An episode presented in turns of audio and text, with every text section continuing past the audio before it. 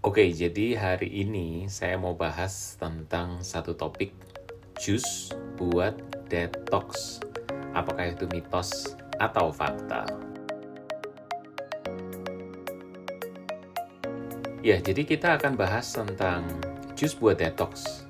Eh, kita belakangan ini banyak sekali dengar tentang um, orang-orang pada klaim, orang-orang pada jualan jus buat detox. Eh, lu minum jus dong um, bagus nih buat detox ya kan terus ada yang minum jus 5 hari 7 hari bahkan 10 hari yang diklaim bisa membantu proses detoksifikasi oke okay? nah hari ini saya ingin bongkar dan bahas secara detail apakah itu memang benar nah kita mulai dengan pembahasan tentang terminologi detoksifikasi terlebih dahulu oke okay?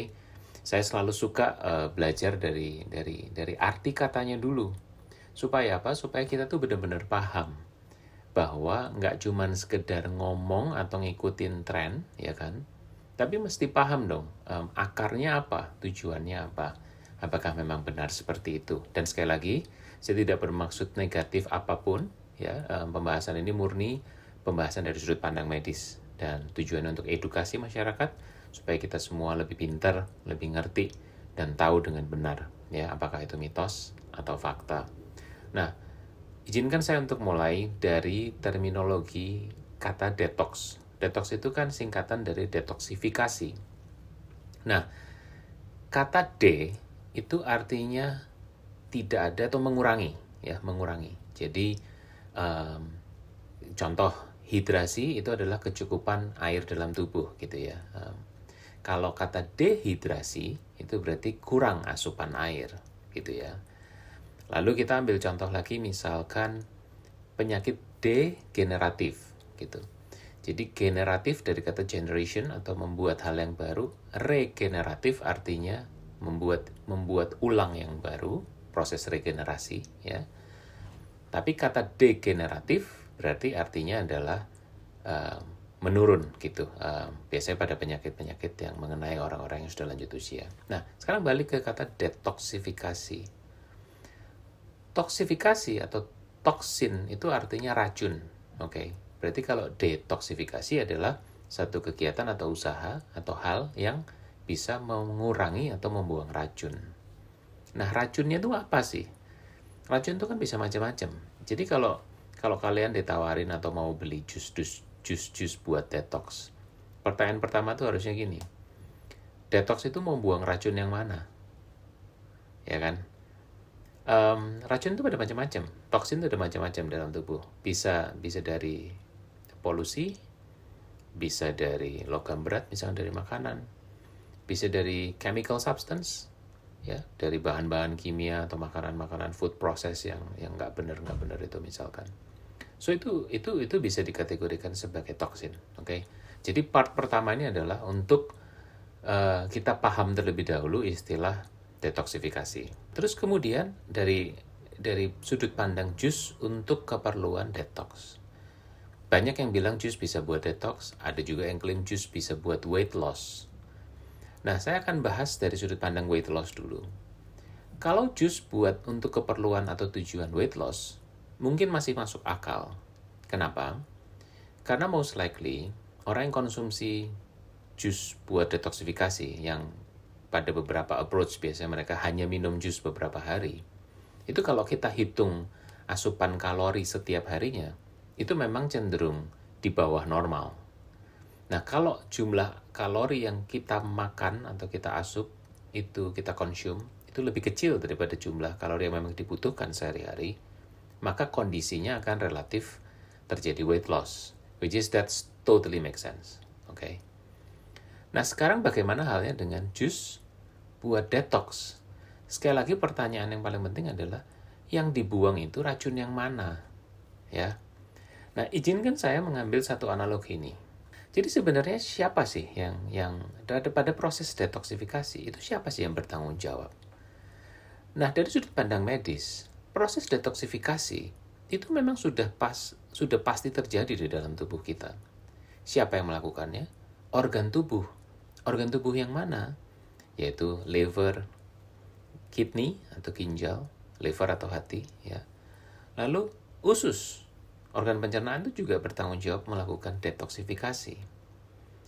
Nah, jadi saya berpandangan bahwa kalau orang-orang yang klaim ya um, jualan jus buat detox, itu di pemahaman saya analoginya seperti ini. Jadi ada mesin, yaitu organ tubuh kita, made in God, made by God, ciptaan Tuhan, oke. Okay.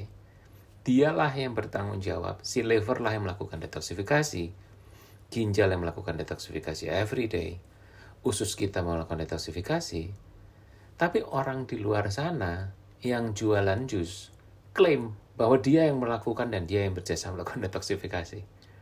Untung Tuhan itu maha penyabar, Tuhan itu maha pengampun. Coba kalau misalkan yang terjadi itu um, artis, wah udah masuk Instagram perlambe-lambean itu dan udah di udah berantem sana sini kali. Karena yang melakukan sebenarnya orang lain diklaim sama orang lain, ya kan?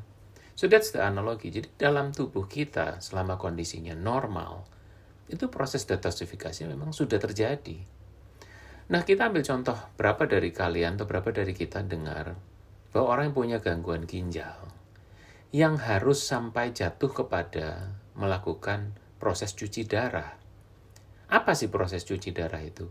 Proses cuci darah itu adalah ketika ginjalnya memang sudah tidak berfungsi normal, sehingga fungsi ginjal untuk membuang racun, untuk memfilter racun dan detoksifikasi itu, itu tidak terjadi dengan sempurna sehingga racunnya itu numpuk. Nah kalau racunnya numpuk itu bahaya, bisa menyebabkan kegawat daruratan di dalam tubuh seorang manusia. Oleh sebab itu, karena ginjalnya nggak bisa berfungsi, maka dibantulah sama proses cuci darah. Jadi sekali lagi itu semakin menjelaskan bahwa proses detoksifikasi itu yang melakukan bukan para jus-jusan itu. Yang melakukan detoksifikasi itu memang liver kita, ginjal kita, dan usus kita. Oke? Okay? Sampai sini semoga kita semua bisa punya pemahaman yang yang lebih dalam tentang tadi pertama adalah detoksifikasi itu terminologinya apa sih? Dua fungsinya buat apa? Kalau buat weight loss oke okay, masuk akal dalam sudut pandang kalorinya memang diturunkan. Nah kalau ngomong detoksifikasi pertanyaan paling jelas adalah racun mana yang dibuang? Lalu ketiga barusan saya bahas kalau dianalogikan oleh siapa sebenarnya yang bertanggung jawab melakukan itu? Sebenarnya yang melakukan adalah body organs gitu, organ-organ tubuh. Nah, lalu sampai pada um, logika berikutnya. Oke. Okay. Lalu bagaimana caranya supaya proses detoksifikasi itu terjadi dengan baik? Salah satunya adalah organ tubuhnya dong yang mesti dijaga. Nah, sekarang saya ambil analogi yang berbeda. Gimana sih caranya supaya organ tubuh itu dijaga dengan baik supaya prosesnya itu berjalan dengan baik? ibaratnya sebuah mobil. Saya bukan ahli mobil, saya bukan ahli mesin, bukan ahli mekanik. Jadi saya berharap moga-moga dalam 1-2 menit ke depan analogi saya tentang mesin mobil ini moga-moga tidak salah. Kalau salah mohon dimaklumi dan dimaafkan karena saya bukan ahli di bidang itu. Tapi gini, seseorang yang memiliki mobil atau kendaraan misalkan, gimana caranya supaya kendaraan itu bisa tetap berfungsi dengan baik?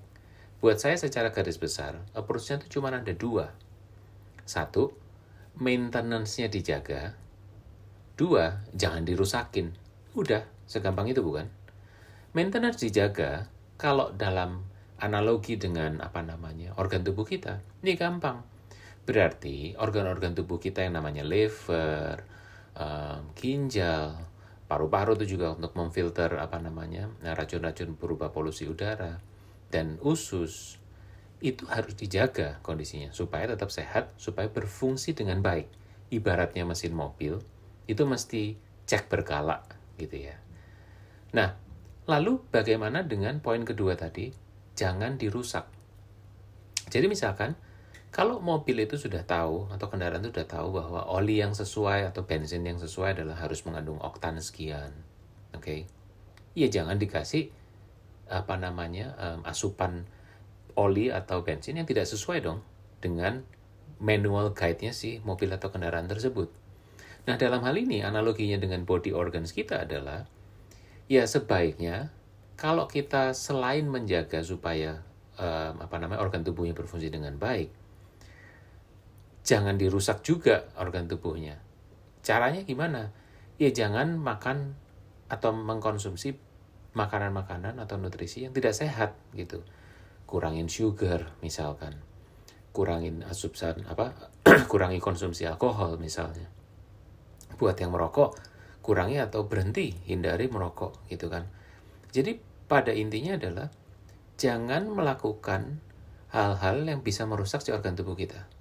Ada nggak seorang pemilik kendaraan yang udah tahu bahwa bensinnya harus diisi dengan oktan yang paling tinggi, misalkan mobilnya mobil mewah, tapi dia sengaja ngisi bensin oplosan gitu. Ada nggak pemilik kendaraan seperti itu? Nggak ada kan? Nah, apalagi kita sebagai manusia yang teredukasi, harusnya kita juga tahu jangan sampai dalam tanda petik mesin-mesin organ tubuh kita itu diisi atau dalam tanda petik sengaja dirusak oleh asupan yang tidak baik. Apa pun itu, alkohol berlebihan, rokok, makanan-makanan junk food, dan sugar. Next time saya pengen bahas khusus tentang sugar. Bahwa sugar itu sebenarnya konsumsi dalam jangka yang panjang dan dalam porsi yang berlebihan. Sugar itu manfaatnya um, jelek sekali dan dan sugar itu bisa merusak liver. Padahal kita tahu tadi sebelumnya saya sebutkan organ yang bertanggung jawab untuk detoksifikasi itu salah satu adalah liver. Oke. Okay? Nah, jadi analogi ini diharapkan bisa membuat kita lebih paham, lebih mengerti. Nah, lalu sampai pada bagian terakhir kira-kira mengenai jadi jus buat detoksifikasi itu sebenarnya mitos atau fakta. Oke. Okay? Jadi kalau jus itu untuk apa namanya membantu proses weight loss mungkin masih masuk akal. Ada beberapa juga yang berkata, tapi di gua ngefek kok gua turun berat badan yes maybe betul tapi di gua ngefek kok um, gua merasa kayak energi gua nambah banget kalau gua juice detox gua merasa kayak gua tiba-tiba fokus pikirannya bisa fokus banget tuh kalau juice detox ya bisa juga tapi di satu sisi yang lain bisa juga hal-hal tersebut terjadi karena pada saat orang melakukan juice detox dia sebenarnya juga sedang menerapkan gaya hidup yang lebih sehat gitu. Jadi ya mungkin itu memang efek-efek yang baik yang bisa saja terjadi. Saya tidak bilang bahwa jus detox itu tidak sama sekali memiliki manfaat. No, I'm not saying that. Mungkin memang secara kesehatan bisa memberikan beberapa dampak yang positif. Tapi jangan lupa bahwa ada juga loh um, apa namanya efek-efek negatif daripada um, yang dikatakan sebagai atau yang diklaim sebagai jus detox. Beberapa efek negatif yang mungkin terjadi dari melakukan jus detox itu, detox jus atau whatever namanya adalah beberapa misalkan satu, apa itu bisa sustainable dikonsumsi dalam jangka yang panjang. Beberapa orang konsumsi 5 hari, 7 hari, 10 hari berturut-turut. Oke, okay, fine. Tapi kalau dikonsumsi dalam jangka panjang, mesti diingat bahwa jus itu juga dari biasanya dari buah-buahan kan. Nah, itu juga kandungan gulanya juga nggak sedikit loh.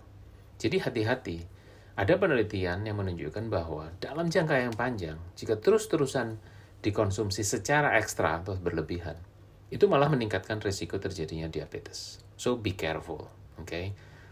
Lalu yang berikutnya adalah kalau terus-terusan diminum dalam jangka yang panjang dan bentuknya hanya jus, diet jus. Jadi cuman jus doang untuk detox. Alasannya sekali lagi katanya buat detox. Itu kalau di dalam jangka yang panjang.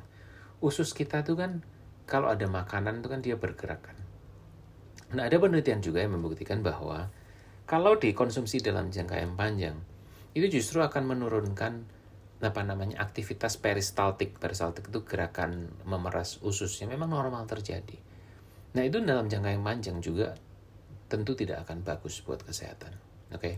Jadi pada kesimpulannya, saya tidak bilang tidak menjadi hakim bahwa jus detox itu um, sepenuhnya salah tapi kok saya kurang setuju ketika orang-orang itu dengan beraninya mengklaim bahwa jus-jusan itu bisa untuk detox. Ya, balik ke per pernyataan saya di awal adalah toksin atau racun mana yang kamu mau coba buang. Padahal sebenarnya mereka yang bertanggung jawab melakukan detoksifikasi yang harusnya layak mendapatkan tanda jasa itu adalah organ-organ tubuh kita sendiri. Yes, memang benar bahwa beberapa jus yang mengandung buah-buahan yang memang kaya antioksidan itu termasuk di kategori yang bisa membantu apa namanya uh, meningkatkan hidup sehat, meningkatkan performa daripada beberapa organ. Jadi hubungannya tidak secara langsung. Bukan berarti minum jusnya terus terjadi proses detoksifikasi itu tidak sepenuhnya benar. Yang benar adalah jika dikonsumsi dalam batas yang wajar, itu memang jus itu mengandung buah-buahan, mengandung sayur-sayuran, vitamin dan mineral yang memang dibutuhkan untuk tubuh dan itu bisa memberikan um, asupan nutrisi yang baik yang akan meningkatkan apa namanya uh, derajat kesehatan manusia. Oke, okay? so saya sangat berharap bahwa video ini bisa clarify gitu ya, memberikan understanding yang sebenarnya bahwa jus detox itu sebenarnya perlu menjadi tanda tanya kita sebagai orang harus kritis gitu. Yes, dia memiliki sebagian manfaat yang memang positif, tapi tadi saya katakan bahwa bukannya sama sekali tanpa efek negatif. Jadi saya berharap kita bisa lebih bijaksana ketika kita mendengar satu tren-tren seperti itu, dan saya berharap video ini bisa benar-benar memberikan wawasan yang lebih baru, lebih lengkap, sekali lagi dari sudut pandang medis. Oke? Okay? So, if you like this video, feel free to share to your friends. Sekali lagi, um, Mohon maaf kalau ada yang salah kata, saya tidak bermaksud untuk menyinggung atau mendiskreditkan any parties. I'm just as a doctor, saya bertanggung jawab untuk menyampaikan hal yang sebenarnya. I hope this is clarify everything dan semoga bermanfaat. Thank you for watching.